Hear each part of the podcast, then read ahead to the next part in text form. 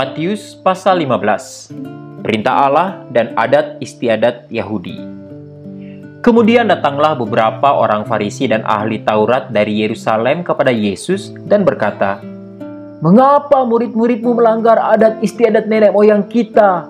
Mereka tidak membasuh tangan sebelum makan. Tetapi jawab Yesus kepada mereka, Mengapa kamu pun melanggar perintah Allah demi adat istiadat nenek moyangmu? Sebab Allah berfirman, Hormatilah ayahmu dan ibumu. Dan lagi, siapa yang mengutuki ayahnya atau ibunya pasti dihukum mati. Tetapi kamu berkata, Barang siapa berkata kepada bapaknya atau kepada ibunya, apa yang ada padaku yang dapat digunakan untuk pemeliharaanmu sudah digunakan untuk persembahan kepada Allah, orang itu tidak wajib lagi menghormati bapaknya atau ibunya. Dengan demikian, firman Allah kamu nyatakan tidak berlaku demi adat istiadatmu sendiri. Hai orang-orang munafik, benarlah nubuat Yesaya tentang kamu. Bangsa ini memuliakan aku dengan bibirnya, padahal hatinya jauh daripadaku. Percuma mereka beribadah kepadaku, sedangkan ajaran yang mereka ajarkan ialah perintah manusia. Lalu Yesus memanggil orang banyak dan berkata kepada mereka, Dengar dan camkanlah, bukan yang masuk ke dalam mulut yang menajiskan orang, melainkan yang keluar dari mulut, itulah yang menajiskan orang. Maka datanglah murid-muridnya dan bertanya kepadanya, Engkau tahu bahwa perkataanmu itu telah menjadi batu sandungan bagi orang-orang Farisi? Jawab Yesus, setiap tanaman yang tidak ditanam oleh Bapakku yang di sorga akan dicabut dengan akar-akarnya. Biarkanlah mereka itu. Mereka orang buta yang menuntun orang buta. Jika orang buta menuntun orang buta, pasti keduanya jatuh ke dalam lubang. Lalu Petrus berkata kepadanya, Jelaskanlah perumpamaan itu kepada kami. Jawab Yesus, Kamu pun masih belum dapat memahaminya? Tidak tahukah kamu bahwa segala sesuatu yang masuk ke dalam mulut turun ke dalam perut, lalu dibuang di jamban? Tetapi apa yang keluar dari mulut berasal dari hati, dan itulah yang menajiskan orang.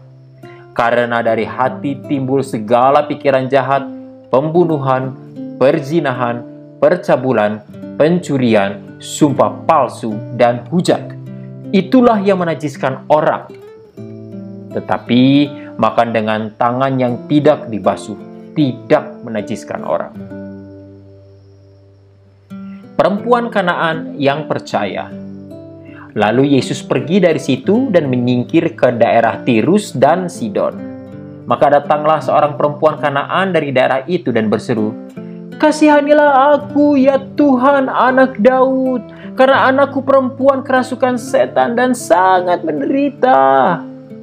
Tetapi Yesus sama sekali tidak menjawabnya. Lalu murid-muridnya datang dan meminta kepadanya, Suruhlah ia pergi, ia mengikuti kita dan berteriak-teriak, Jawab Yesus, Aku diutus hanya kepada domba-domba yang hilang dari umat Israel.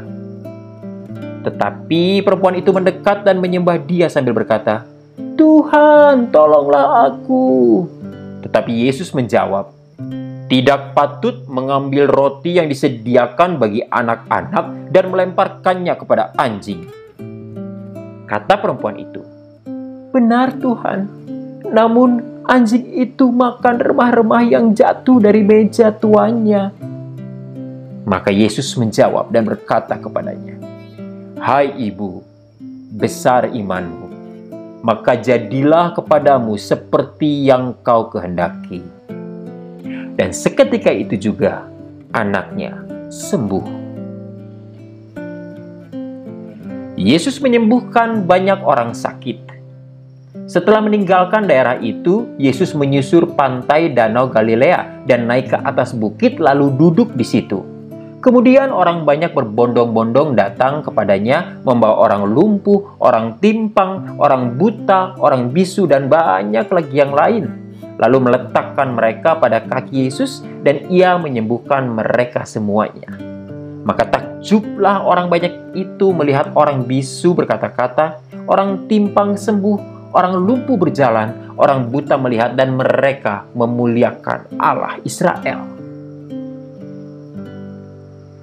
Yesus memberi makan 4.000 orang. Lalu Yesus memanggil murid-muridnya dan berkata, Hatiku tergerak oleh belas kasihan kepada orang banyak itu. Sudah tiga hari mereka mengikuti aku dan mereka tidak mempunyai makanan. Aku tidak mau menyuruh mereka pulang dengan lapar. Nanti mereka pingsan di jalan. Kata murid-muridnya kepadanya, Bagaimana di tempat sunyi ini kita mendapat roti untuk mengenyangkan orang banyak yang begitu besar jumlahnya? Kata Yesus kepada mereka, Berapa roti ada padamu? Tujuh, jawab mereka. Dan ada lagi beberapa ikan kecil. Lalu Yesus menyuruh orang banyak itu duduk di tanah. Sesudah itu, ia mengambil ketujuh roti dan ikan-ikan itu, mengucap syukur, memecah-mecahkannya dan memberikannya kepada murid-muridnya. Lalu murid-muridnya memberikannya pula kepada orang banyak dan mereka semuanya makan sampai kenyang. Kemudian orang mengumpulkan potongan-potongan roti yang sisa tujuh bakul penuh. Yang ikut makan ialah 4.000 laki-laki, tidak termasuk perempuan dan anak-anak. Lalu Yesus menyuruh orang banyak itu pulang. Ia naik perahu dan bertolak ke daerah Magadan.